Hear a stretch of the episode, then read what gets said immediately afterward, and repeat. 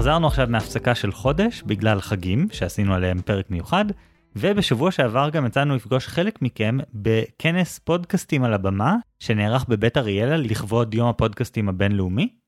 וואי, היה כל כך כיף גם uh, לפגוש מאזינים וגם לפגוש uh, מואזנים, כלומר, אנשים שאנחנו ממש אוהבים את הפודקאסטים שלהם, ואני מקווה שגם יצא מזה שיתופי פעולה בעתיד הקרוב מאוד. כן, אנחנו כבר uh, מתחילים להתכתב עם כל מיני אנשים שאפשר לארגן איתם פרקים משותפים על נושא ההתמחות שלהם, וזה הזמן להזכיר למאזינים אחרים שאם יש לכם רעיונות נוספים לשיתופי פעולה או קרוס אוברים שתרצו לראות, אז שילחו לנו ונשמח לנסות. ועכשיו חגי הגיע הזמן לחזור לעזור לאנשים, כי יש לנו מאזין עם בעיה מאוד קשה. כן, הבעיה הזאת זה בעיה שאני מכיר באופן אישי כבר הרבה מאוד זמן, כי השואל שלנו מדבר עליה בפורומים שאני נמצא בהם כבר הרבה זמן, אז אה, בואו נקריא את השאלה של נועם. חגי ואורן, אני צריך את עצתכם. לפני מספר שבועות יצאתי מהבית וראיתי שעמוד חסימה של העירייה נעקר, ובמקומו נשאר בור במדרכה. העמוד הזה לא ממש שומר על שום דבר, כך שחסרונו לא באמת מפריע לי. כל מה שמפריע לי זה הבור במדרכה. יש בשכונה שלי הרבה קשישים ונרקומנים, והם עלולים ליפול בגלל הבור. אז כשומרוני טוב, צילמתי את המפגע והודעתי עליו לעירייה באפליקציה. תוך פחות מיום, העמוד חזר למקומו, ונציג מהעירייה התקשר אליי להודיע על כך. שבוע מאוחר יותר, ראיתי שוב את העמוד מחוץ למקום, ושוב הודעתי לעירייה, וכך קרה גם שבוע אחריו ואחריו. הצעתי לעירייה שיסירו לחלוטין את העמוד, או שיקבעו אותו חזק יותר, אבל הנציג שלהם אמר לי שזה לא אפשרי, ושהוא יבוא כל פעם שאדווח על המפגע, ויחזיר את העמוד למקום. ברור שאני מעורב בנושא הרבה יותר ממה שאני אמור, אבל עכשיו זה כבר עקרוני. האסטרטגיה שאני משתמש בה, היא ניסיון להתיש את העירייה, או הוונדל שעוקר את העמוד, ויש לי איזשהו יתרון, כי כל מה שאני צריך לעשות זה לדווח באפליקציה, שזה מעט מאוד עבודה ביחס אליהם. אבל אולי יש אסטרטגיה יותר טובה? אולי דווקא בגלל שאין לי שום דבר על כף המאזניים פה, אני זה שיותש ראשון? חגי ואורן, עזרו לי. יש לכם עצה אחרת? כל מה שאני רוצה זה שלא יהיה בור במדרכה. ונועם צירף כאן תמונה של העמוד המדובר. זה עמוד באמצע מין מדרחוב כזה, כנראה שבמקור הוא היה אמור למנוע ממכוניות לחנות שם, אבל הוא לא ממוקם בצורה שבאמת מונעת ממכוניות לחנות. וכנראה בגלל איזושהי תאונה הוא מין כזה נוטה באלכסון, וכל מי שעובר שם זה ממש מזמין שתשלח יד ותפיל אותו לרצפה. אז אני ממש מבין למה כל פעם הוא מוצא את העמוד uh, בחוץ. כן, וכאמור, נועם כותב על זה בקבוצות וואטסאפ משותפות כבר הרבה מאוד זמן, וזה הוביל לזה שאני שיניתי את השם שלו בטלפון שלי לנועם סיזיפוס.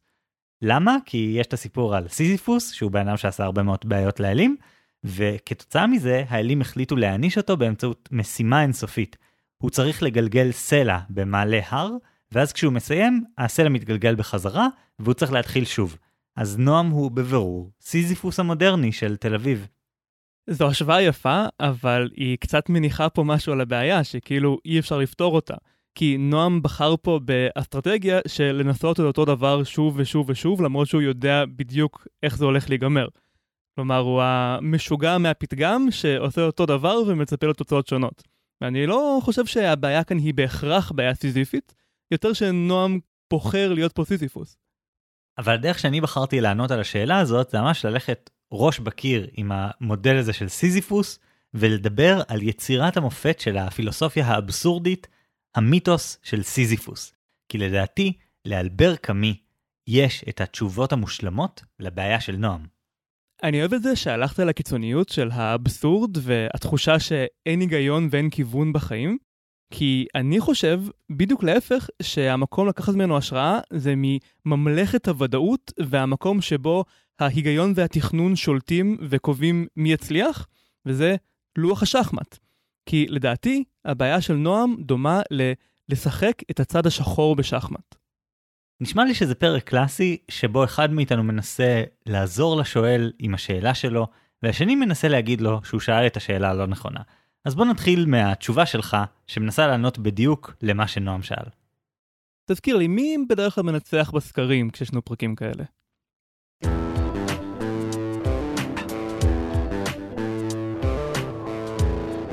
נועם, בזמן האחרון אני גיליתי את השחמט. או יותר נכון, גיליתי מחדש. ברור שידעתי גם קודם שיש שחמט, אבל איכשהו, למרות שכבר ניסיתי כמה פעמים, בעבר אף פעם לא הצלחתי להתחבר לזה. אבל לפני משהו כמו שבועיים, הייתי בחופשה בחו"ל, והיו לי כמה רגעים מתים בין לבין, והחלטתי להוריד אפליקציה של שחמט, ופתאום משהו הקליק אצלי במוח, ומאז נהייתי טיפונת אובססיבי לעניין. אני מאתגר את כל מי שאני מכיר למשחקים באינטרנט, קראתי את הספר של אלוף העולם לשעבר גארי קספרוב על איך שחמט זה כמו החיים עצמם, ובסך הכל זה די מעסיק אותי יומם וליל. עכשיו, חוץ מזה ששחמט הוא שעשוע נהדר, משחק המלכים וכל זה, הוא גם מצא מאוד מתבקש להשוואות. מה יכול יותר טוב בשביל מטאפורות מאשר משחק של אסטרטגיה טהורה? זו ממש מעבדה לתכנון מהלכים, לזיהוי כוונות של אחרים, לאיזון בין זהירות מצד אחד ותעוזה מצד שני וכולי וכולי וכולי. האמת שזה די מרשים שהצלחנו להחזיק יותר משנתיים בפודקאסט הזה בלי להשוות שום דבר לשחמט. אבל עכשיו הגיעה העת. נועם, העימות שלך עם עיריית תל אביב הוא ממש כמו לשחק את הצד השחור בשחמט. ברגע שהתחלת, אתה כבר בעמדת חיסרון, ואם לא תשבור את הסימטריה, ההפסד שלך מובטח כבר מהמהלך הראשון. אורן, אני מאוד שמח שאתה מביא לנו את השחמט בתור מודל, כי זה משהו שמצד אחד כל הזמן אומרים עליו שהוא מודל לחשיבה אסטרטגית ואפשר ללמוד ממנו מלא, אבל הוא גם מאוד שונה מכל קבלת החלטות אסטרטגית שיש. כלומר, אני מנחש שאפשר למצוא כל מיני הקבלות, ועוד רגע נשמע אותן, אבל הרבה פעמים בסוף שחמט זה משחק עם מידע מושלם, עם כללים ברורים, עם הגדרה ברורה למי מנצח ומי מפסיד. אני לא לגמרי יודע איך זה מתחבר פה. קיצור, אני מאוד רוצה לראות לאן אתה לוקח את זה. בוא, בוא נראה. שמע, אני שמעתי הרבה השוואות לשחמט שהרגישו לי אה, ממש מוגזמות ומצבים שהם לא דומים לשחמט, אבל דווקא נועם ועירייה כאן ממש משחקים משחק עם כללים ברורים. נועם רוצה שהעמוד יתוקן או יוסר, זה המט שלו, ועירייה רוצה להמשיך את מה שהיא עושה, כלומר לא לתת פתרון אמיתי לבעיה, וזה הניצחון שלה. ומה שקורה כרגע זה שכל צד עושה מהלך, אחד-אחד, ובינתיים הסטטוס קוו נשמר. כלומר, נועם עושה מהלך של לדווח לעירייה על מפגע באפליקציה, ואז עירייה עושה מהלך של לשלוח מישהו להחזיר את העמוד, אבל בלי לתת פתרון קבוע. ואחרי כל זה, המציאות לא השתנתה. אבל זה לא תיקו, אלא העירייה נמצאת כאן בעמדה מנצחת. בגלל שנועם מתחיל מעמדת חיסרון, הוא זה שרוצה שמשהו ישתנה. מבחינת העירייה, המצב סבבה, ואחרי כל החלפת מהלכים כזו, נועם עשה מהלך, העירייה עשה מהלך, העירייה מבחינתה בדיוק איפה שהיא רוצה להיות. זו אותה בעיה שיש לצד השחור בשחמט. כשמסתכלים על לוח שחמט, אז במבט ראשון, שני הצדדים מתחילים בעמדה לגמרי סימטרית. אותם כלים, באותם מיקומים, ולכל צד יש אותה מטרה, ללכוד את המלך של היריב. אבל בגלל שללבן יש את המהלך הראשון, הוא מתחיל עם יתרון, לא של כלים או מיקומים, אלא יש לו צעד אחד יותר. בשחמט קוראים לזה טמפו. יש לו טמפו. אם לצורך העניין, שחור כל פעם יעשה בדיוק את מה שלבן הרגע עשה, אז הוא לא ישמור על איזושהי סימטריה, על איזשהו תיקו, אלא לבן יגיע צעד אחד קודם לעמדה חזקה כלשהי, ישלוט על איזושהי משבצת חשובה, ובסופו של דבר הוא יוכל לתרגם את היתרון הזה לכך שהוא ייקח לשחור כלים, ולא להפך. כלומר, הוא יהפוך את היתרון בטמפו ליתרון בחומר. כן, אני זוכר במעורפל מהשלב שניסיתי ללמוד שחמט, שדיברו על זה שיש אה, כמה משאבים נקרא לזה, או כמה דברים שאתה יכול להוביל בהם. אתה יכול להוביל בחומר, כלומר בכלים שיש לך, אתה יכול להוביל בטמפו, כלומר האם היוזמה בצד שלך או בצד השני, ואתה יכול להוביל בעמדה, למי יש עמדה יותר חזקה והכלים שלו במקומות יותר טובים, נכון? בדיוק. הרבה מהחוכמה בשחמט הוא לזהות איזה סוגי יתרון יש לכל צד, והכי חשוב לדעת איך לתרגם יתרון מסוג אחד ליתרון מסוג אחר. יכול להיות למשל שהשחקן הלבן הפסיד את אחד הפרשים שלו, והוא בחיסרון מבחינת חומר, אבל שאר הכלים שלו נמצאים בעמדות מפתח בלוח והם יכולים להגן אחד על השני. ומצד שני, הכלים השחורים נמצאים בעמדות בעייתיות יותר, שיותר קשה להגן עליהן, אולי דווקא בגלל שהשחקן השחור פיזר את הכלים שלו במהלך המתקפה שהיא זו שאפשרה לו לקחת את הפרש מלכתחילה. במצב כזה, לשחור יש יתרון בחומר, אבל ללבן יש יתרון עמדתי, מה שנקרא. ויכול להיות שבהמשך השחקן הלבן יבחר לנצל את היתרון העמדתי שלו כדי לזכות חזרה בחומר, או כדי לזכות בטמפו, או כל מיני החלפות כאלה. האמת שיש גם uh, כל מיני מצבים מיוחדים שבהם טמפו זה חיסרון. יש מה שנקרא צוג צוונג, זה בגרמנית, או בעברית כפאי, אני לא חושב שאי פעם שמעתי את זה עד ממש 30 שניות לפני שאמרתי את המשפט הזה וחיפשתי את זה בגוגל. ובעצם הרעיון הוא שלמי שפועל כרגע, אין מהלך טוב שהוא יכול לעשות, כל מהלך שהוא יעשה יפגע בו באיזשהו אופן. ולפעמים אתה אפילו מנסה לייצר מצבים כאלה כשאתה גורם ליריב שלך להגיע למצב שכל פעולה שהוא יעשה רק תדפוק אותו. וזה אפילו עוד יותר משמעותי בסופי משחק, ששימוש נכון בטקטיקה הזאת, בלגרום ליריב להיות במצבים כאלה, יכול להפוך הפסד ודאי לתיקו. נכון, אבל אפילו במקרים האלה, לפעמים חשוב שיהיה לך יתרון חומרי, כדי שיהיה לך כלי שתוכל להזיז סתם, וככה להכריח את היריב שלך להיות זה שפועל עכשיו, ואז להכניס אותו לצוג צוונג הזה. וככה נהיים טובים בשחמט בעצם, צריך להבין את האינטראקציה בין כל השיקולים והמשאבים האלה. אז נועם, אנחנו יודעים שאתה בחיסרון מבחינת טמפו, אז בוא ננסה לפרוט את שאר סוגי המשאבים שמשתתפים במשחק הזה שלך מול העירייה, וננסה למצוא לך איזשהו תמרון מנצח. אז מבחינת כלים או חומר, ברור שגם כאן אתה בחיסרון, אפילו יותר גדול מאשר החיסרון שלך בטמפו. לעירייה יש עשרות עובדים במשרה מלאה שרק מחכים שייתנו להם משהו לעשות. לך יש רק את עצמך, וגם זה רק ברגעים שאתה לא עושה משהו חשוב יותר. זו הסיבה למצב הנוכחי שלך. כל מהלך שלך לוקח רק כמה שניות, כי אתה סך הכל מדווח על מפגע באפליקציה, ומצד שני, כל מהלך של העירייה יכול להיות עניין של שעות, כי הם צריכים לשלוח מישהו שייסע עד לשם, יחזיר את העמוד ויחזור. אבל בגלל היתרון החומרי שלהם, אין להם בעיה להמשיך ככה עד אינסוף, יש להם יתרון ממש גדול בתחום הזה. זה ממש גדול אבל כאילו זה אפילו לא היתרון של לוח שחמט זה יתרון כאילו במשאבים משהו ממש ממש מטורף כמו לשחק עם לא יודע מלך ומלכה בלבד מול לוח שלם של היריב. נכון ובגלל שנועם מתעקש להמשיך לשחק בגזרה הזאת במקום שבו יש יתרון לצד השני אז לא פלא שהוא לא מצליח להתקדם. מצד שני אני כן חושב שיש לך יתרונות למשל יש לך יתרון של תמרון שכרגע אתה לא מנצל בכלל. אמנם אתה רק כלי אחד, אבל אתה קצת כמו הפרש. הפרש אה, לא זז בקו ישר, אלא הוא קופץ. הוא יכול לדלג מעל כלים אחרים ולצוץ באיזשהו מקום, ומאוד קשה לחסום אותו. וכאן אני חושב על תמרון אחד ספציפי. במקום רק לדווח על המפגע, אתה יכול להתחיל לגרום למפגע בעצמך. יש כאן חוסר סימטריה במצב שכרגע אתה לא ממנף אותו לטובתך. הרבה יותר קל לגרום למפגע מאשר לתקן מפגע. כרגע אתה מדי פעם שם לב שהעמוד אה, לא בסדר, ואז אתה מדווח עליו. אבל מה אם תחליט שפעמיים ביום אתה מושך אותו מהמקום, ואז מדווח? זה בעצם יהיה להרוויח טמפו, להמיר את היתרון שלך בתמרון ליתרון ביוזמה. אתה תשקיע כמות דומה של מאמץ למה שאתה עושה עכשיו, כאילו עכשיו אתה מדווח, אז תוסיף עוד כמה שניות כדי למשוך את העמוד ואז תדווח, אבל תצליח לסחוט מהיריב שלך הרבה יותר השקעה. ואם המטרה היא להתיש אותו, אז זה ממש יחזק את הצד שלך. אני רק רוצה לוודא, מה שהצעת לנועם עכשיו, זה בדרך למנוע את העקירה של העמוד או לתקן אותו באופן קבוע, הוא צריך לעקור אותו עוד יותר. בשחמט לפעמים צריך uh, לעשות הקרבות.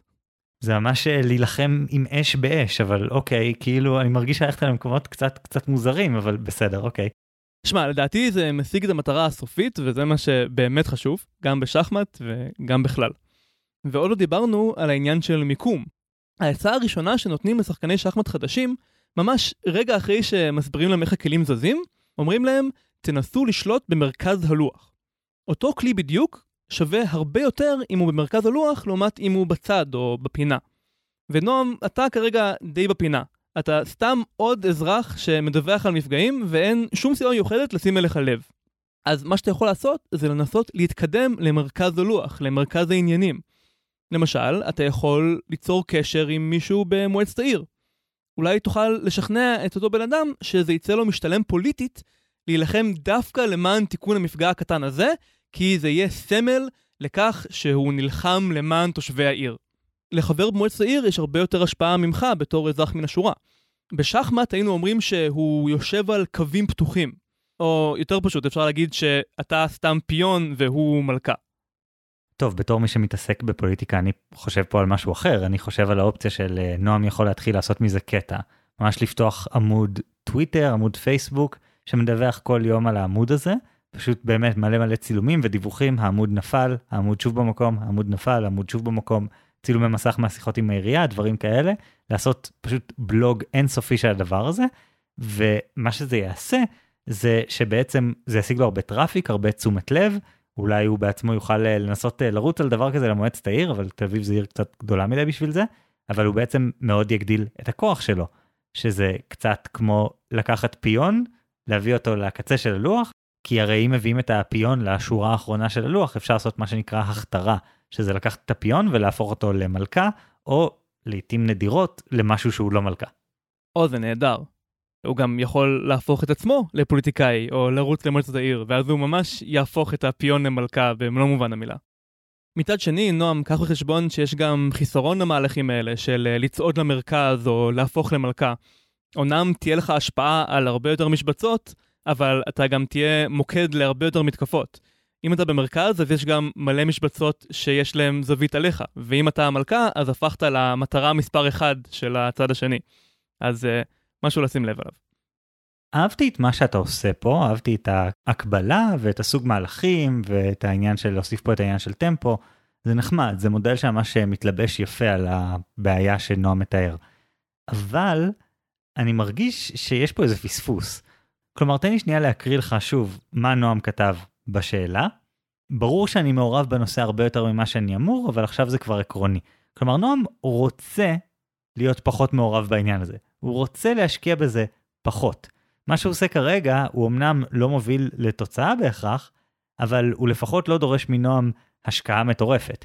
אתה לעומת זאת אומר, כן, גם תעקור את העמוד, או תפנה לפוליטיקאים, תנסה להביא את זה לתקשורת, תפתח עמוד, אני הצעתי את הדבר הזה של לפתוח עמוד בפייסבוק או משהו, אבל לא משנה. אני אומר שזה המון המון התעסקות, ואתה רק מעמיק את הבור שבו נועם נמצא, במטרה לסתום את הבור ברחוב. כאילו, הוא תוקע את עצמו עוד יותר, וכן, זה מה שאתה רוצה? זה מה שאתה מציע לו? להתחיל להעמיק בדבר הזה עוד יותר? אני חושב שהמאבק שלו הוא צודק, ואני רוצה לתת לו כלים להצליח במאבק הזה. אני לא אגיד לו עכשיו אה, להרים ידיים ולוותר, כי אני גם חושב שזה ממש ממש אפשרי. אנחנו לא מדברים פה על uh, לבנות דיור ציבורי לכל ההומלסים בארץ, כן? אנחנו מדברים על עמוד. אם העירייה הייתה בוחרת, היא הייתה יכולה להביא צוות מובחר של אנשים שייתנו לזה פתרון הכי מושלם, יוסיפו עוד שלושה עמודים כדי שבאמת לא יהיה אפשר לחנות שם, וזה הכל היה כלום בשבילם. אז אני באמת חושב שעם טיפה יותר אה, חשיבה אסטרטגית, לא צריכה להיות בעיה להגיע ליעד שלו. אז לא, אני לא חושב שהוא צריך לוותר. אני חושב שהוא מעורב במידה הנכונה. אני פשוט מרגיש שכל זה, זה, זה מתכון לשברון לב. זה מתכון לזה שאתה תנסה, ונועם יעשה דברים חדשים, וינסה אסטרטגיות חדשות, ויתחיל לחשוב על זה במונחים של שחמט, ואז כשזה לא יקרה, הוא יהיה עוד יותר מתוסכל. זה יהיה שוב איזה תסכול של הדבר הבלתי מושג הזה, והעמוד הקטנטן הזה ידפוק לנועם את החיים. הוא ממש יעשה לנועם נזק לאאוטלוק הכללי שלו, לאיך שהוא רואה את העולם ואת הצדק או דברים כאלה. זה המסלול האפל שאליו אתה מוביל את נועם. שמע, חגי, אני התחלתי לשחק שחמט באמת לפני משהו כמו שבועיים, מה שאומר שאני מאוד מאוד גרוע, אבל החוויה שלי בינתיים זה שמניצחון מגיעים לניצחון. אתה מנצח מישהו שהוא גם סופר גרוע, ואז הדירוג שלך עולה באתר, ואז הקרב הבא שלך יהיה יותר קשה, אבל לך יש יותר יכולות. וככה מתקדמים.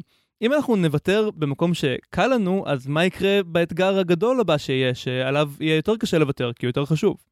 אז אני חושב שבשביל נועם, דווקא בגלל שכל כך מעט uh, מונח על הכף מבחינתו, זה יכול להיות מקום שבו הוא יכול לנסות טקטיקות, לנסות שיטות שאולי לא בהמשך. הזכרתי קודם את הספר של קספרוב, uh, קוראים לו איך החיים מחקים את השחמט, אז הוא מספר שם על כמה מההרפתקאות שלו מעל לוח השחמט, הוא היה uh, אלוף העולם שכיהן הכי הרבה זמן, ומכל הרפתקה הוא מנסה להוציא איזשהו מוסר השכל לחיים. חלקם יותר מעניינים, חלקם פחות, אבל אחת העצות שהכי אהבתי היא העצה, תשחק את המשחק שלך, לא את המשחק של היריב. בשחמט העצה הזו בעיקר מדברת על שלבי הפתיחה של המשחק. שים לב שאתה מקשה על היריב לעצב את שדה הקרב של הלוח בצורה שהיא מתאימה לסגנון שלו, אבל כנראה תהיה בעייתית לסגנון שלך. למשל, הוא מספר על המשחק שלו נגד אה, אלוף העולם לשעבר טיגרן פטרוסיאן, ופטרוסיאן אהב לשחק הגנתי, לשחק שקט. וכשקספרוב שיחק נגדו, הוא מרגיש שכל המתקפות שלו, כי קספרוב הוא שחקן התקפי, כל פעם זה נתקל באיזשהו קיר, איזושהי חומה, וזה פשוט לא עובד. פטרוסיאן הצליח ממש במהלכים הראשונים לחפור לעצמו שוחות מושלמות, וכל ההסתערויות של קספרוב פשוט נפלו לתוך הבור.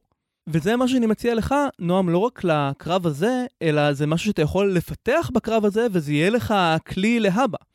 תשחק את המשחק שלך ולא את המשחק של מי שמולך. במקרה הזה, מה שהעירייה רוצה שתעשה זה שתמשיך לדווח כמו ילד טוב, כדי שהם יוכלו להמשיך להגיב כמו שהם מגיבים עכשיו. זה נוח להם. יותר מנוח להם. זה בעצם מאפשר להם להעלות את אחוז הקריאות שהם טיפלו בהם ב-CRM או משהו של העירייה. אני בטוח שבאיזשהו מקום אתה, אתה מספק להם מלא אפשרויות לסמן וי על עוד משימות שבוצעו, כי זו משימה מאוד קלה לתיקון, ולכן אתה בעצם מסייע להם בזה שאתה מספק להם עוד חומר. וואו, בכלל לא חשבתי על זה, אתה ממש צודק. העמוד הזה הוא פשוט מקור אינסופי לקריאות שהושלמו. יש איזשהו עובד שעכשיו uh, חצי מהעבודה שלו זה פשוט ללכת הלוך ושוב לעמוד הזה, והוא סופר מרוצה מעצמו. אז נועם, תשנה את שדה הקרב. אתה יכול להרוויח טמפו על ידי חבלה מכוונת, אתה יכול להכניס כלים חדשים כמו uh, חבר מועצת העיר או עיתונאי, אתה יכול, uh, כמו שחגי הציע, uh, לקדם את עצמך למלכה על ידי לפתוח איזה עמוד פייסבוק שירכז את הזעם. ובאופן כללי, תשחק משחק אגרסיבי, ואז העירייה יצטרכו להגיב אליך, במקום לשחק את המשחק השקט והפסיבי שמתאים לצרכים שלהם. ואולי ככה תוכל להכניע אותם סוף סוף ולזכות בניצחון.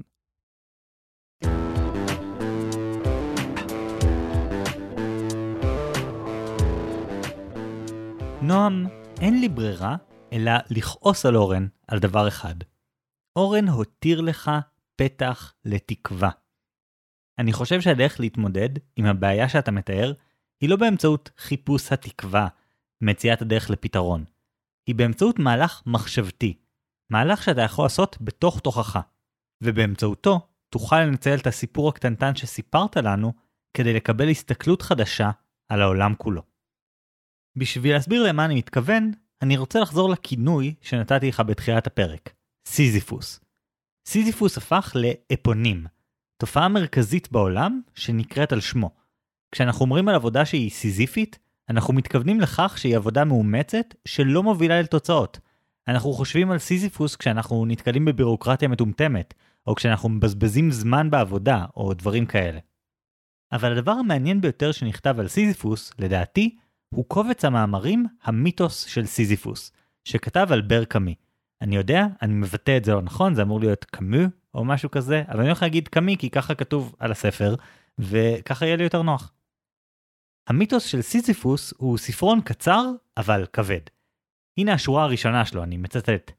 בעיה פילוסופית רצינית באמת יש רק אחת, ההתאבדות. לפסוק אם כדאי לחיות את החיים האלה או לא כדאי, פירושו לענות על שאלת היסוד של הפילוסופיה. כלומר, כבר מהרגע הראשון, אתה יודע שזה לא הולך להיות ספר קל או נחמד. וזה לא מפתיע, זה כנראה הספר המפורסם ביותר, שבו הציג קאמי את פילוסופיית האבסורד.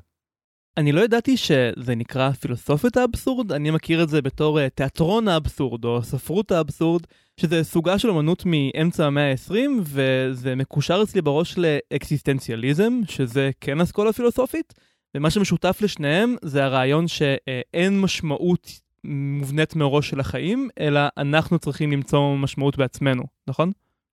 אז כן, רק שאבסורד הוא קצת יותר קיצוני. אני אסביר עוד רגע בדיוק איך, יש טבלה בוויקיפדיה אגב שעושה השוואה כזה אקזיסטנציאליזם דתי, אקזיסטנציאליזם חילוני ואבסורד ומה ההבדל ביניהם.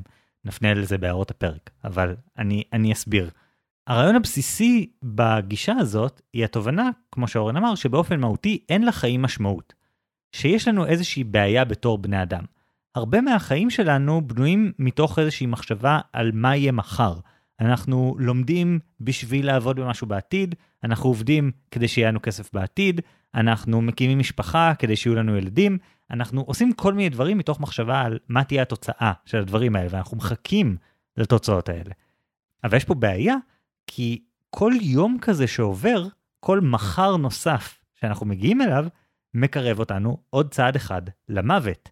כולנו נמות, ולכן כל ההתנהלות שלנו מתוך איזושהי מחשבה על שאיפות לעתיד, היא התנהלות אבסורדית, כי אין משמעות. אנחנו יכולים לחפש תשובות או משמעויות באמצעות המדע או באמצעות הפילוסופיה, אבל בסופו של דבר אנחנו נדע יותר דברים, אבל אנחנו לא נדע שום דבר מהותי. אנחנו לא נקבל תשובה אמיתית, מוחלטת. לא נמצא את המשמעות של החיים. אני מוכרח לומר שאני לא ממש מזדהה עם הגישה הזאת. כלומר, זה נכון שבסוף כולנו נמות, אבל אם אני עובד היום כדי שיהיה לי כסף לקנות גלידה מחר, אז אני הולך ליהנות מהגלידה הזו כמעט בוודאות, לא סביר שאני אמות לפני כן, ולא יודע, זה מספיק משמעות בשבילי. ובמקרה של נועם, אז נכון שבסוף גם העמוד יחליט וייעלם, וגם uh, תל אביב תהפוך להריסות, וכל המעורבים ימותו, וכל מי שמקשיב לפודקאסט הזה עכשיו ימות, אבל זה לא אומר שאין טעם למנוע מאנשים למעוד בתוך הבור. כלומר, אני חושב שאתה קצת מגזים כאן. נכון, ואפשר היה להגיד, טוב, אין משמעות להכל, אז אל תתעסק בזה, נכון? זה מה שנשמע אולי שאני אומר. אבל זה בדיוק העניין, הרי מאיפה קמי התחיל את הספר שלו? משאלת ההתאבדות. כי הוא אומר שיש שני פתרונות לאבסורד שהם בעצם אינם פתרונות. יש לנו קודם כל את ההתאבדות הממשית, הפיזית, כאילו ממש להתאבד, אם לחיים אין משמעות, למה אנשים לא מתאבדים? והתשובה היא ש, שזה לא תשובה, זה לא תשובה לאבסורד, זה הוכחה של האבסורד. זה להגיד שכן, אני מסכים, להכל אין משמעות. זה לא משחרר את האדם מכבלי האבסורד. אז זה התאבדות מסוג אחד, כלומר זה, עוד רגע נקביל את זה, אבל, אבל זאת הסיבה שלא צריך לברוח מלנסות לטפל בבעיה. וההתאבדות האחרת שהוא מדבר עליה זה ההתאבדות הפילוסופית. הוא ממש אה, נכנס בכמה פילוסופים אחרים, אקזיסטנציאליסטים, והוא אומר שהם כושלים בגלל שהם מוצאים כל מיני פתרונות שסותרים את התובנה המהותית של האבסורד. למשל, הם פונים לדת או לאל בתור תשובה, נניח במקרה של קירקגור, או שהם מדברים על אידאות ועל היכולת של התבונה למצוא משמעות לקיום וכן הלאה. מבחינתו, אלה כישלונות. לא בגלל שאי אפשר לעשות את זה, לא בגלל שאי אפשר לחיות חיים מלאים על בסיס הרעיונות האלה, אלה כן חיים לא חופשיים, שזה משהו שנגיע אליו אחר כך, אבל אפשר לחיות עם זה, אבל זה לא התמודדות אמיתית עם הבעיה, זה להגיד, יש בעיה ואני הולך להסתכל לצד השני. אני הולך להסתכל על הדת, אני הולך להסתכל על המדע בתור דת, אני הולך להסתכל למקום אחר. זה נשמע שהוא אומר שמי שלא מסכים איתו, אז זה לא נחשב, כי uh, הוא צודק והם טועים, ולכן אין שום טעם להקשיב למה שהם אומרים. שזה נוח, זו גישה נוחה לפילוסוף. תראה, הוא כן אומר שם, אה, אין לי כוונה להעליב את הדת, הדת היא נורא שימושית, אפשר לחיות לפיה, היא פשוט לא פתרון לבעיית האבסורד. אבל אני רוצה בכל מקרה לחבר את זה להקשר של נועם. כי כאמור, יש פה שני פתרונות והם לא מספקים. פתרון אחד זה ההתאבדות הפילוסופית, שזה קצת מה שאורן הציע. להמשיך לעשות את הדבר הזה, אולי לנסות לעשות אותו קצת אחרת, מתוך אמונה שבסוף זה יסתדר. שאתה יודע, אולי זה יסתדר, אולי בסוף ימצאו פתרון, אבל אז תהיה בעיה אחרת, נכון? כלומר, אני חושב שיש פה איזה משהו שנועם, אתה, אתה מרגיש שיש משהו שבור במציאות, ואתה רוצה לתקן את מה ששבור במציאות, ואם זה לא זה, זה יהיה משהו אחר. אתה, יש בך איזשהו כאב, איזשהו משהו שלא עובד, ואתה מנסה לפתור אותו. ואתה כל הזמן בורח באיזשהו מקום למחשבה שיש פתרון, שיש משמעות לדברים, ש, שכאילו יהיה בסדר איכשהו, בלי להסתכל לבעיה בפנים. ומהצד השני, זה לא שהפתרון האחר יותר טוב, כי המקבילה להתאבדות פיזית פה היא לוותר. לומר, אני לא רוצה להתעסק בזה, זה לא רלוונטי, זה גם ככה חסר משמעות, אבל גם זה לא פתרון. כלומר, זה אולי יוריד לנועם קצת דאגות מהחיים, אבל כאמור, נועם ימצא משהו אחר ששבור בעולם, ויתעצבן עליו. כלומר, הבעיה היא שיש איזה משהו שלא עובד, יש איזה קונפליקט של חוסר שלמות של העולם, וצריך להחליט מה עושים אל מול ההבנה הזאת שהעולם באופן מהותי הוא אבסורדי. אוקיי, okay, אז אתה לא אומר שאין סיכוי לתקן את העמוד, כי אני חושב ששנינו מסכימים שיש סיכוי לתקן את העמוד. אתה אומר שאין סיכוי לפתור את הבעיה העמוקה יותר שהעולם הוא לא מושלם, ונועם הוא סוג הבן אדם שרואה דברים שהם לא מושלמים וזה מפריע לו, והוא מרגיש איזה צורך לתקן, הוא לא יכול להחליק את זה, וזה משהו שהולך ללוות אותו בהמשך חייו, בין אם העמוד הזה יתוקן או לא. על זה אתה מדבר. אתה בעצם מזיז כאן את השער. אתה לא רוצה לפתור את בעיית העמוד, אתה רוצה לפתור את uh, בעיית העמדה הפילוסופית של נועם. לגמרי, אני חושב משהו שאתה בעצמך אמרת בסוף. יש משהו ללמוד מהסוגיה הזאת לגבי החיים בכלל. אתה לקחת את זה לאסטרטגיה, אני לוקח את זה למה המשמעות של החיים. כלומר, אין, אבל מה עושים עם זה?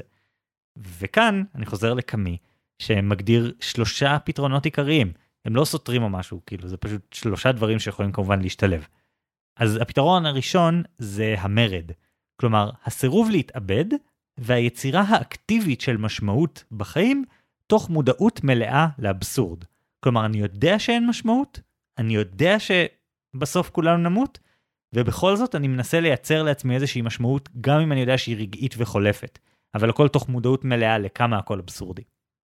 הדבר השני זה החופש, כלומר ההחלטה להשתחרר מכל מיני דברים שכופים עלינו איזשהו סוג של התנהגות. קמי מסביר שככל שאנחנו מאמינים שלחיים שלנו יש משמעות, ככה אנחנו מגבילים את החופש שלנו, כי אנחנו מנסים לממש את המשמעות הזאת, ואז אנחנו כופים על עצמנו התנהגות מסוימת. כלומר, אם אני מאמין שהמשמעות היא אלוהים או משהו כזה, אז אני כופה על עצמי התנהגות דתית. אם אני חושב שהמשמעות זה להוריש ירושה לילדים שלי, אני כופה על עצמי איזושהי התנהגות שמאפשרת לי לעשות את זה, זה לא חופש אמיתי. כאשר מודעות לאבסורד אמורה לשחרר אותנו מההתנהגות הזאת, ובאמת להעניק לנו חופש אמיתי. והדבר השלישי שקמי מציע, זה את פתרון התשוקה. פשוט לחוות את החיים באופן מלא, לחיות כל רגע במלואו, קרפה דיאם וכאלה. אלה הגישות שהוא אומר, שפותרות את uh, בעיית האבסורד, או לפחות לא פותרות, אלא נותנות מענה, שאני ממש uh, מענה מרגש באיזשהו מקום של uh, לצאת למרד נגד חוסר המשמעות הזה. אוקיי, okay, אז מה שאמרתי על לאכול גלידה זה נכנס בקטגוריה השלישית הזאת של תשוקה. אני לא בטוח שאני מסכים עם קמי לגבי כמה זה נדיר או קשה להגיע למקום הזה שבו אני רוצה משהו שהוא לא בעתיד האינסופי, ואז אני מקבל אותו וזה כיף לי וזה מספיק סיבה כדי לחיות. אני חושב שרובנו בעמדה הזו רוב הזמן, זו התחושה שלי. אז אני חושב שאני מסכים עם קמי לגבי הרבה דברים, אבל אני לא מסכים איתו שהבעיה מלכתחילה היא עד כדי כך עמוקה. אבל זה העניין, ש... ופה ההתייחסות לסיזיפוס חוזרת ועונה למה שאתה הצעת כרגע. קמי אומר שסיזיפוס לא מעניין אותו בזמן שהוא דוחף את הסלע למעלה. כי כשהוא דוחף את הסלע למעלה, יש מטרה, וברור מה מתרחש. כלומר, אתה דוחף את הסלע למעלה. הוא גם אומר, בזמן שאתה עובד, באמצע השבוע, כשאתה שקוע בעבודה שלך, הכל בסדר. האבסורד, שאלת האבסורד מופיעה כשאתה פתאום עוצר לרגע ומסתכל על החיים שלך מהצד, ואז כואב לך, אז זה רגע של איזשהו משבר, המשבר האבסורדי הזה של What the fuck, מה אני עושה? כלומר, סבבה, אתה יכול להגיד אני קונה גלידה למחר, אבל כל עוד אתה לא מודע לאבסורד, זה אומר שאתה חי באיזשהו שקר. ומבחינת קאמי, סיזיפוס מעניין אותו כשהוא יורד חזרה למטה, כדי להתחיל מההתחלה. זה הרגע שבו סיזיפוס מודע לאבסורד. ברגע הזה קאמי אומר שסיזיפוס יכול לחוות כאב, אבל הוא יכול לחוות גם שמחה, כי כשהוא מכיר בחוסר המשמעות של המשימה שלו ובגורל שלו, הוא חופשי להבין את האבסורד, ולמצוא שלווה ואפילו שמחה בקבלת המצב שלו. אני אצטט את הסיום של המאמר המופלא הזה. אני משאיר את סיזיפוס לרגלי ההר. אדם חוזר ומוצא תמיד את מסעו. אבל סיזיפוס מלמד אותנו את הנאמנות העילאית, המרימה סלעים. גם הוא סבור כי הכל טוב. עצם המאבק על הפסגות, די בו כדי למלא ליבו של אדם. עלינו לתאר לעצמנו את סיזיפוס מאושר. או, במקרה של נועם, אני מציע למצוא את המשמעות בתוך הפעולה עצמה. נועם, עצם זה שאתה מתעסק בעמוד הזה, זו יצירת משמעות. זו החלטה שלך להיות אדם שאכפת לו מהסביבה. אדם שלא מוריד את הראש ומתעלם. לא פועל רק כשיש לפעולה שלו תוחלת ברורה. כמו סיזיפוס, אתה גיבור טרגי. אתה ממשיך במשימה, כי זו המשימה שלך, ואתה מוצא בתוך המשימה הזו את החירות שלך. ההכרה שלך בזה היא מה שיכול להיות המרד שלך נגד האבסורד. הנכונות להמשיך למרות שאין לזה משמעות. אולי זה עניין של הגדרות, וזה הפער ביני לבין קמי, אבל אני חושב שאם יש בעיה, אם יש uh, עמוד שנופל ויש בור, ובזכות נועם הבעיה נפתרת ואין יותר בור, זה מספיק משמעות בשבילי, אני לא מרגיש פה בשום פער. ואני מרגיש מאוד בנוח לייעץ לנועם איך הוא יכול להשיג את המטרות האלה, כי המטרות האלה זה מספיק, זה, זה החיים, זה הדברים שאנחנו נאבקים למענם כל יום, ואני אישית מרגיש עם זה טוב. אז אני לא, לא בטוח שאני מבין את הפער הזה שקמי מצביע עליו, או, או זה שאתה מצביע עליו בעצם. נניח שנועם יצליח באמת לתקן את העמוד, ואז הוא ימשיך הלאה לדבר הבא. אה, לא יודע, אה, מישהו שופך זבל ברחוב, וצריך לקרוא למשטרה כדי שהוא ישפוך את הזבל במקום uh, שמיועד לכך. זה רע? זה, זה אומר שהוא uh, עבד לאיזשהו uh, סבל? לאו דווקא. מה אתה בעצם מייעץ לו ששונה ממה שאני מייעץ לו, שזה להשיג מטרות? אני מציע לו להבין מאיפה מגיעה תחושת המשמעות. הוא לא יכול שהמשמעות תגיע מההצלחה. בעצם, אתה יודע, זאת גישה קצת אה, בודהיסטית, קצת אה, מעולם של אה, פסיכולוגיה חיובית, שאומרת שאם מה שאתה נהנה ממנו זה היעד, אז אל תצא למסע. כאילו, המטרה של מסע לא יכולה להיות היעד, אלא הדרך עצמה. ובמידה רבה, נועם צריך להבין שאם האושר שלו והסיפוק שלו תלוי בזה שהוא יפתור את הבעיה, אז הוא נכנס לבעיה אחרת, כי אחר כך משהו אחר יעשה אותו לא מאושר. זה כמו לנסות לפתור את האושר שלך באמצעות לקנות דברים או משהו כזה. אתה תקנה משהו, ואז אתה תצטרך לקנות עוד משהו.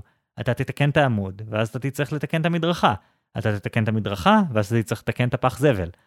ואם אתה תרצה עולם מושלם, אתה לא תגיע אליו, כמו שכבני אדם, אנחנו לא נמצא את עצמנו בחיים שיש להם משמעות קודמת לקיום. זה לא יקרה. אז עדיף להכיר בבעיה, ואחרי שהכרת בבעיה, המשמעות שאתה תייצר לעצמך תהפוך אותך לשמח הרבה יותר. כי אתה יודע, אני קורא את הדבר הזה, מאמר מדכא שמתחיל בשאלת ההתאבדות, ואני מסיים אותו נפעם מהאלטרנטיבה שהוא מציע, מההסתכלות החדשה שהוא נותן לך על העולם, דווקא מתוך הסתכלות על חוסר המשמעות. בקיצור, את החיים המלאים והמספקים, נועם, אתה תחיה רק מתוך הקבלה של האבסורד הזה. מתוך ההחלטה לא למקסם איזה עתיד לא ברור, שרק מקרב אותך לגורל ידוע מראש. אתה צריך למקסם את ההווה ולחיות את החיים עכשיו. להמשיך להתלונן לעירייה ולמצוא בעצם התלונה, בעצם דחיפת הסלע הזה במעלה הר, שלווה ואפילו אושר. עלינו לתאר לעצמנו את נועם מאושר.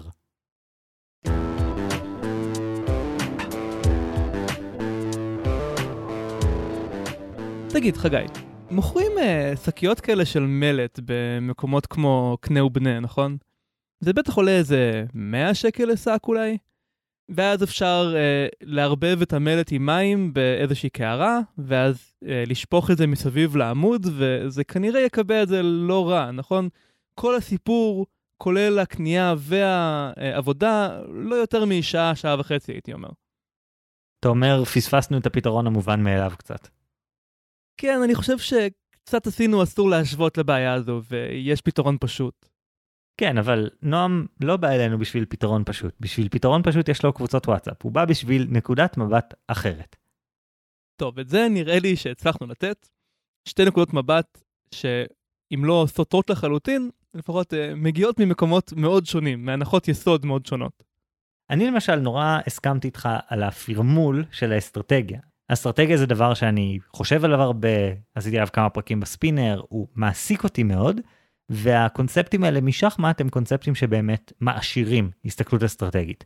אני לגמרי מסכים שנתת לנועם כלים חדשים להתמודד עם בעיה כזו או עם בעיות דומות שהוא ייתקל בהן בעתיד. אבל אני לא מסכים עם זה ששוב קלעת את נועם במרוץ הזה אחר אושר שמגיע מאיזשהו מקור חיצוני ולא ממקור פנימי. אני חושב שנועם יכול להיות מאושר מהמעשה עצמו, ולא רק אם העמוד יתוקן בסופו של דבר. שמע, אני מאוד אוהב את זה שהרחבת את נקודת המבט והסתכלת על, אה, על החיים של נועם באופן כללי, או על הבעיה הגדולה יותר, שסוגיית העמוד היא רק דוגמה אליו. מהבחינה הזאת, באמת אתה נותן לנועם מענה שהוא אולי יותר הוליסטי ואולי יעזור לו ביותר נקודות בחיים שלו. אבל אני חושב שעם כל הכבוד לאלבר קאמי, כן הגיוני לחיות את החיים שלנו כאילו יש מטרות שראוי להגיע אליהן, ואז לנסות באמת להגיע אליהן ולשמוח כשהצלחנו להגיע אליהן. אולי מדי פעם, למשל, כשקשה לנו או כשנכשלנו, אז באמת מועיל אה, להרהר על האבסורד ועל אה, חוסר המשמעות המובנה של הקיום. אבל אני חושב שהרבה מהשמחה האנושית מגיעה מלהציב לעצמנו יעד, לא לחשוב על זה שזה יעד שרירותי, אלא להאמין באמת ובתמים בשווי המהותי והאמיתי של היעד הזה, ואז להגיע אליו בתקווה. אז מהבחינה הזאת אני לא מזדהה עם, אה, עם מה שהבאת כאן, אבל אני חושב שזה משהו שהוא מאוד אישי, משהו שנוגע ככה בנימי ליבנו, ואולי הרבה מהמאזינים יפיקו מזה הרבה. אבל כרגיל, מי שהחליט איזו גישה יותר נכונה, זה לא אנחנו, אלא אתם המאזינים. בעוד יומיים נעלה לעמוד הפייסבוק שלנו סקר ריאקשנס, שבו תוכלו להכריע איזה פתרון יותר קולה לבעיה. האם זה אורן ואסטרטגיית השחמט? או חגי וסיזיפוס והאבסורד. כרגיל, אנחנו מזכירים לכם לעשות לייק לעמוד הפייסבוק שלנו, להצטרף לקבוצת הדיונים שלנו, חובה להשוות, להמליץ על הפודקאסט לחברים וקרובי משפחה שעשויים להתעניין, והכי חשוב, לשלוח לנו עוד שאלות מרתקות כמו זו של נועם, כדי שנייצר עוד פרקים. עד אז, תודה רבה על ההאזנה, אני אורן ברנשטיין, אני חגי אלקיים שלם, ונתראה בפעם הבאה עם השוואות חדשות.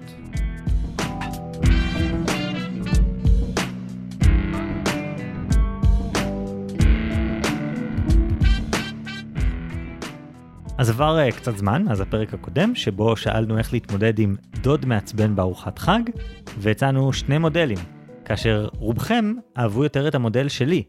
54% מכם הסכימו איתי על זה שכדי לכבות דוד מעצבן צריך להבין את משולש האש שלו, מה הדלק שלו, מה החמצן שלו, ומה שולט בטמפרטורה של השיחה.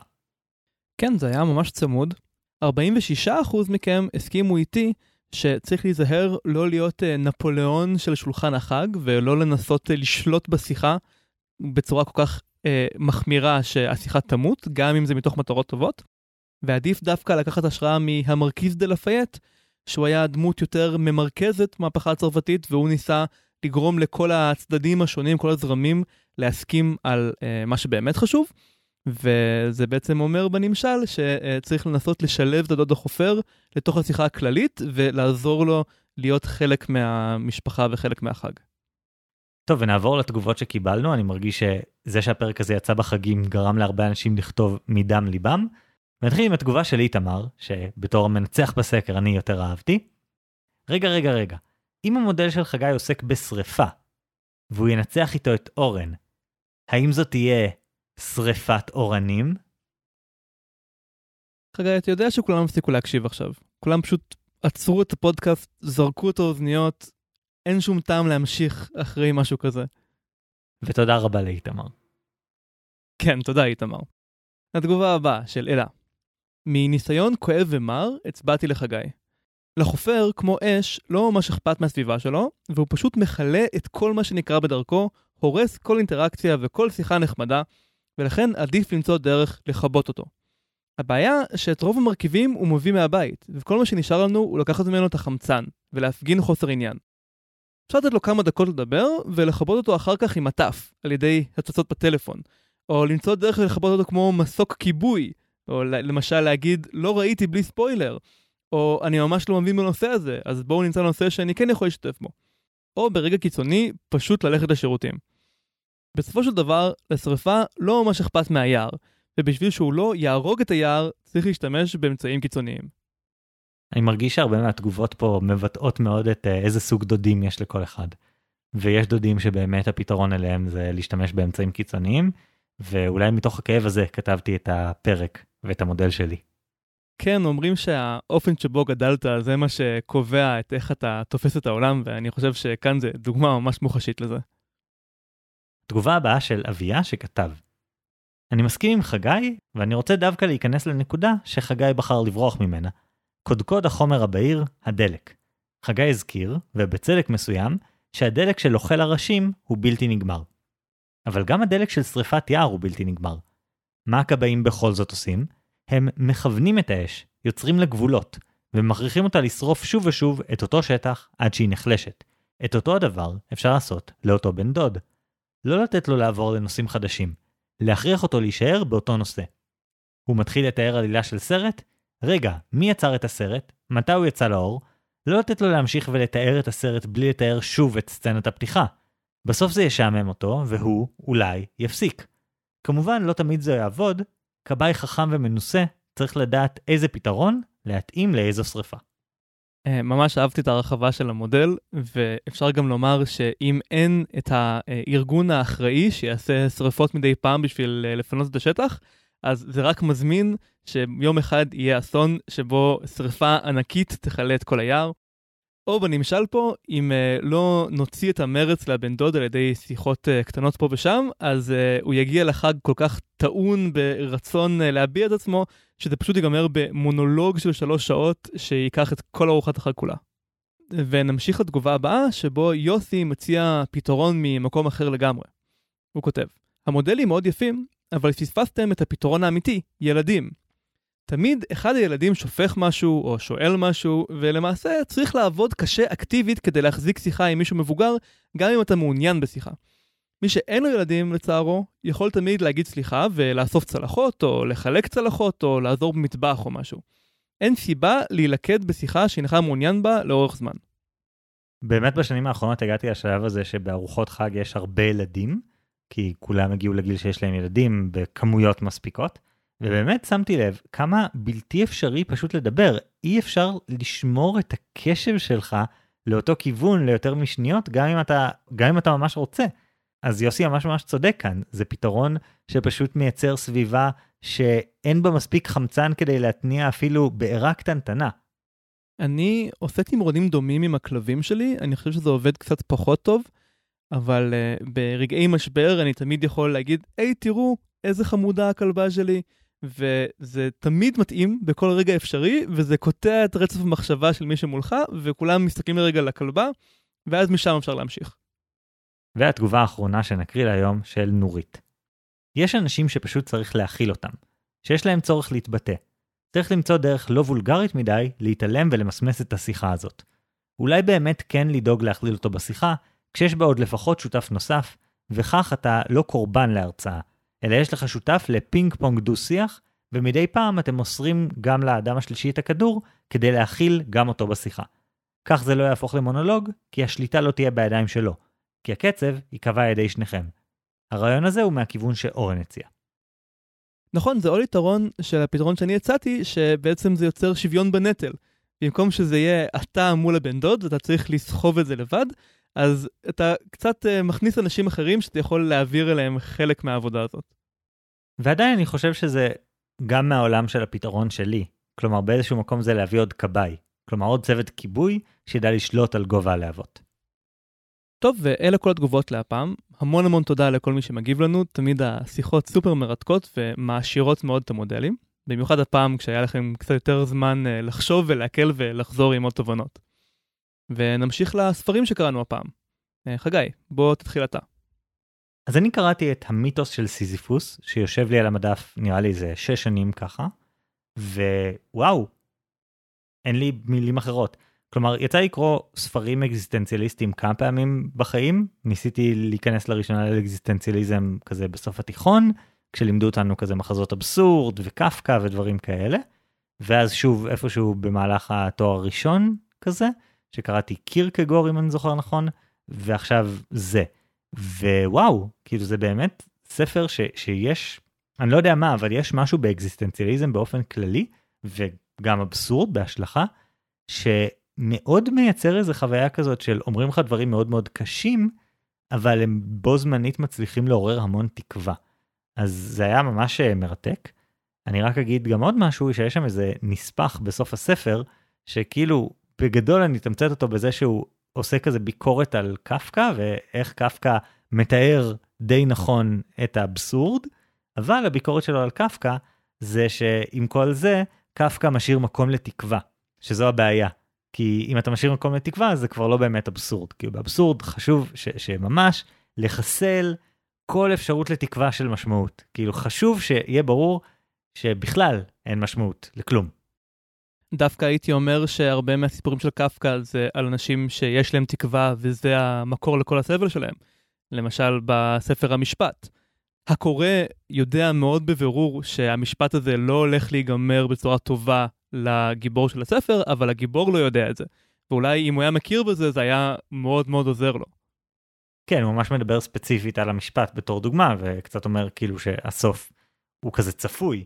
זה מה שאמור לקרות, זה נראה לך מאוד מאוד הגיוני, ואז באיזשהו מקום זה קצת uh, שובר את הפורמט של האבסורד, כי זה לא באמת אבסורדי. וזה בניגוד ליצירות באמת הארדקור uh, אבסורד, כמו נראה לי יצירת האבסורד המושלמת, מחכים לגודו, שפשוט לא, פשוט אין, לא. ספוילרים, חגי. כן, הוא לא בא, כאילו סליחה על הזה, אבל זה הקטע שמחכים לגודו. הם מחכים לו, וזהו, ואז יש מערכה ראשונה שלא קורה בה כלום, ואז היא נמשכת למערכה שנייה, שבה לא קורה כלום, אבל זה פשוט מעמיק עוד ועוד בכמה שלא קורה כלום. מחזה מדהים, ממליץ גם עליו. אני חושב שמה שמאפיין את הרעיונות הפילוסופיים האלה, זה שאי אפשר לדעת מה מזה יתפוס אותך. זה משהו ששווה לחשוף את עצמך לכל מיני רעיונות, ואחד מהם פתאום uh, ידליק אצלך משהו, וזה ירגיש שהבנת משהו לעולם או על עצמך, ואי אפשר לדעת מראש מה זה יהיה. זו התחושה שלי לפחות. אני במסגרת uh, איזשהו פרק, אני לא זוכר כבר איזה, של אסור להשוות, קראתי על הפילוסופיה של האפיקוריאנים מיוון העתיקה. וזה סופר דיבר אליי, וזה ממש ריגש אותי אפילו רק אה, לקרוא בוויקיפדיה את הרעיונות הבסיסיים שלהם. ואני לא מצפה שזה ידבר על מישהו אחר, פשוט אי אפשר לדעת, צריך לפתוח עצמך ל- לרעיונות האלה. אני חושב שיש סיבה שחזרתי לאקזיסטנציאליזם ספציפית אה, כל כך הרבה פעמים בחיים, וזה כאילו יש איזה משהו שמאוד מאוד מדבר אליי, ומשהו בזה ממש עובד. אז אני ממש ממליץ, זה ספר אה, די אה, כבד, אני ממש לא ממליץ על אודיובוק, התחלתי אותו באודיובוק, הבנתי שזה לא ילך, ואז נזכרתי שיש לו אותו פיזית, גם בתרגום לעברית, וזה הדרך היחידה שהצלחתי לצרוך אותו. כאילו משהו בפילוסופיה ממש לא עובד באודיובוק, הוא ממש בונה טיעונים בצורה שיטתית וזה, זה כאילו קשה לעקוב אחרי זה באודיו. אז ממש ממליץ, יש תרגום די טוב, כלומר הוא ישן, אבל הוא לא מרגיש מיושן בטירוף, מומלץ בחום. אז זה אני, מה אתה קראת אורן? אז הזכרתי את הספר של גארי קספרוב ואיך החיים אה, מחקים את השחמט, How Life Imitates Chess, שהוא ספר קליל וחמוד. זה גם uh, קצת היכרות לקספרוב, קריירת השחמט שלו והגישה שלו לחיים, וגם הוא מלקט כל מיני סיפורים שקשורים לאסטרטגיה, ממש מכל תחום ומכל תקופה היסטורית. הוא מזכיר את uh, נפוליאון במלחמת העולם השנייה, הוא uh, חוזר לרומאים, הוא מביא דוגמאות ממדע וטכנולוגיה, וזה פשוט ספר קליל וכיפי. זה לא ספר שילמד אתכם שחמט בהכרח, אבל uh, זה כן ככה ספתח נחמד לרעיונות uh, שאולי תרצו לקרוא להם עוד אחר כך. אבל זה לא מה שאני ממליץ עליו, מתוך מה שעשיתי בשביל הפרק הזה. אני רוצה להמליץ לכם לשחק שחמט. זה כל כך קל בצורה שקשה לתפוס, להתחיל לשחק שחמט, גם להתחיל ללמוד וגם לשחק כמה שאתם רק רוצים, בחינם, יש אין סוף אנשים שמשחקים את זה באינטרנט באמת בכל הרמות, כולל ילדים קטנים שגם אתם יכולים להביס, ופשוט תתחילו, כאילו, כאילו זה כיף. או לפחות לי זה היה כיף ברגע הזה בחיים, אז תנו לזה צ'אנס. עכשיו, אני כבר uh, הזמנתי את הספר של uh, בובי פישר, אלוף העולם, שבו הוא מלמד שחמט, ואני מתחיל קצת uh, להיכנס לזה יותר, ולנסות להבין ממש את, את הרעיונות, וללמוד על פתיחות וכל זה, אבל זה לא חובה. אני חושב שבאמת כל אחד יכול להפיק מזה קצת כזה טעימה של אסטרטגיה אבסטרקטית, וזה יחזק אצלכם יכולות שקשה לשים עליהן את האצבע, כמו לחשוב על כל ההשלכות האפשריות של ההחלטות שלכם, או לצעוד קדימה גם כשאתם לא 100% בטוחים, כי עשיתם את החישוב וזה נראה לכם הכי טוב, ובשחמט חייבים לעשות מהלך, אי אפשר אה, להגיד פס. אז יש כאן איזה משהו, אז אה, תנו לזה צ'אנס. אני חושב שהרבה מהדברים שאתה דיברת עליהם הם באמת דברים שכן אפשר להכליל אותם מעבר לשחמט די בקלות. כאילו טמפו זה נראה לי אחד הדברים הכי חשובים להבין אצל מי נמצאת היוזמה וזה יכול להיות רלוונטי אפילו לדברים סופר בסיסיים. יש את הנגיד קטע הזה שכשמדברים על ציפיות שכר או דברים כאלה הדרך הכי טובה להתקדם זה לנסות להכריח את uh, המעסיק לתת את הציפיות שלו קודם. כלומר שהוא יגיד את המספר שהוא חשב עליו לפני שאתם אומרים את המספר שלכם. כי אם הוא יגיד מספר נמוך בהרבה, אז תוכלו פשוט להגיד לא זה לא מתאים לי, ואם הוא יגיד מספר גבוה, אז תוכלו לשמוח שלא תקעתם את עצמכם. ויש יתרון למי שנותן את המספר שני דווקא בהקשר הזה. אז כל מיני דברים כאלה עוזרים לזהות מצבים מקבילים בעולם האמיתי. כמובן יש את העניין של מבנה לוח, כלומר יכול להיות שלמישהו יש יותר כוח אבל הוא במצב שלא מאפשר לו להשתמש בכל הכוח הזה. זה באמת הסתכלות סופר מעניינת, ואני חושב שיש כזה אפקט של, אה, אפקט מודלים קלאסי, כמו אפקט טטריס שדיברנו עליו בפרק 0.5 אה, שלנו. כשאתה משחק הרבה טטריס אתה רואה את כל העולם כמו טטריס, כשאתה משחק הרבה שחמט אתה פתאום תראה את הדפוסים האלה בכל מיני מקומות רגילים לגמרי בעולם. כן, ואני חושב ששחמט הוא הרבה יותר מועיל מטטריס בתור משהו שאתה כל הזמן תשווה אליו. הוא מספיק גמיש ויש בו מספיק מצבים שונים כדי שהוא באמת יהיה רלוונטי. לעומת טטריס שמלמד אותך איזה חפצים נכנסים בתוך איזה חפצים אחרים, שזה פחות רלוונטיות לחיי היום-יום. עכשיו אמרתי פשוט תתחילו לשחק, אבל אני כן ממליץ לקחת איזשהו קורס. באתר chess.com, שזה המקום הכי קל גם למצוא בו יריבים באינטרנט, יש סדרה של שיעורים שהם ממש קטנטנים, כל שיעור הוא 3-4 דקות, ואפשר ממש להתקדם שם מהרמה הכי בסיסית של אני לא יודע איך הכלים זזים, ועד לרמות הרבה יותר מתקדמות, וזה מאוד קל ונעים. זה כבר לא חינם, אבל לתחושתי זה מאוד שווה את זה. ויש גם אופציות שהן מחוץ לאתר chess.com, יש את סדרת הסרטונים Beginner to Chess Master של ערוץ השחמט Chess Network, שצפיתי בה והיא מלמדת הרבה מאותם הדברים, כלומר לא יפתיע אתכם לגלות שהרבה מהעקרונות שמלמדים בשיעורים למתחילים של שחמט הם זהים בין הרבה שיעורים למתחילים של שחמט.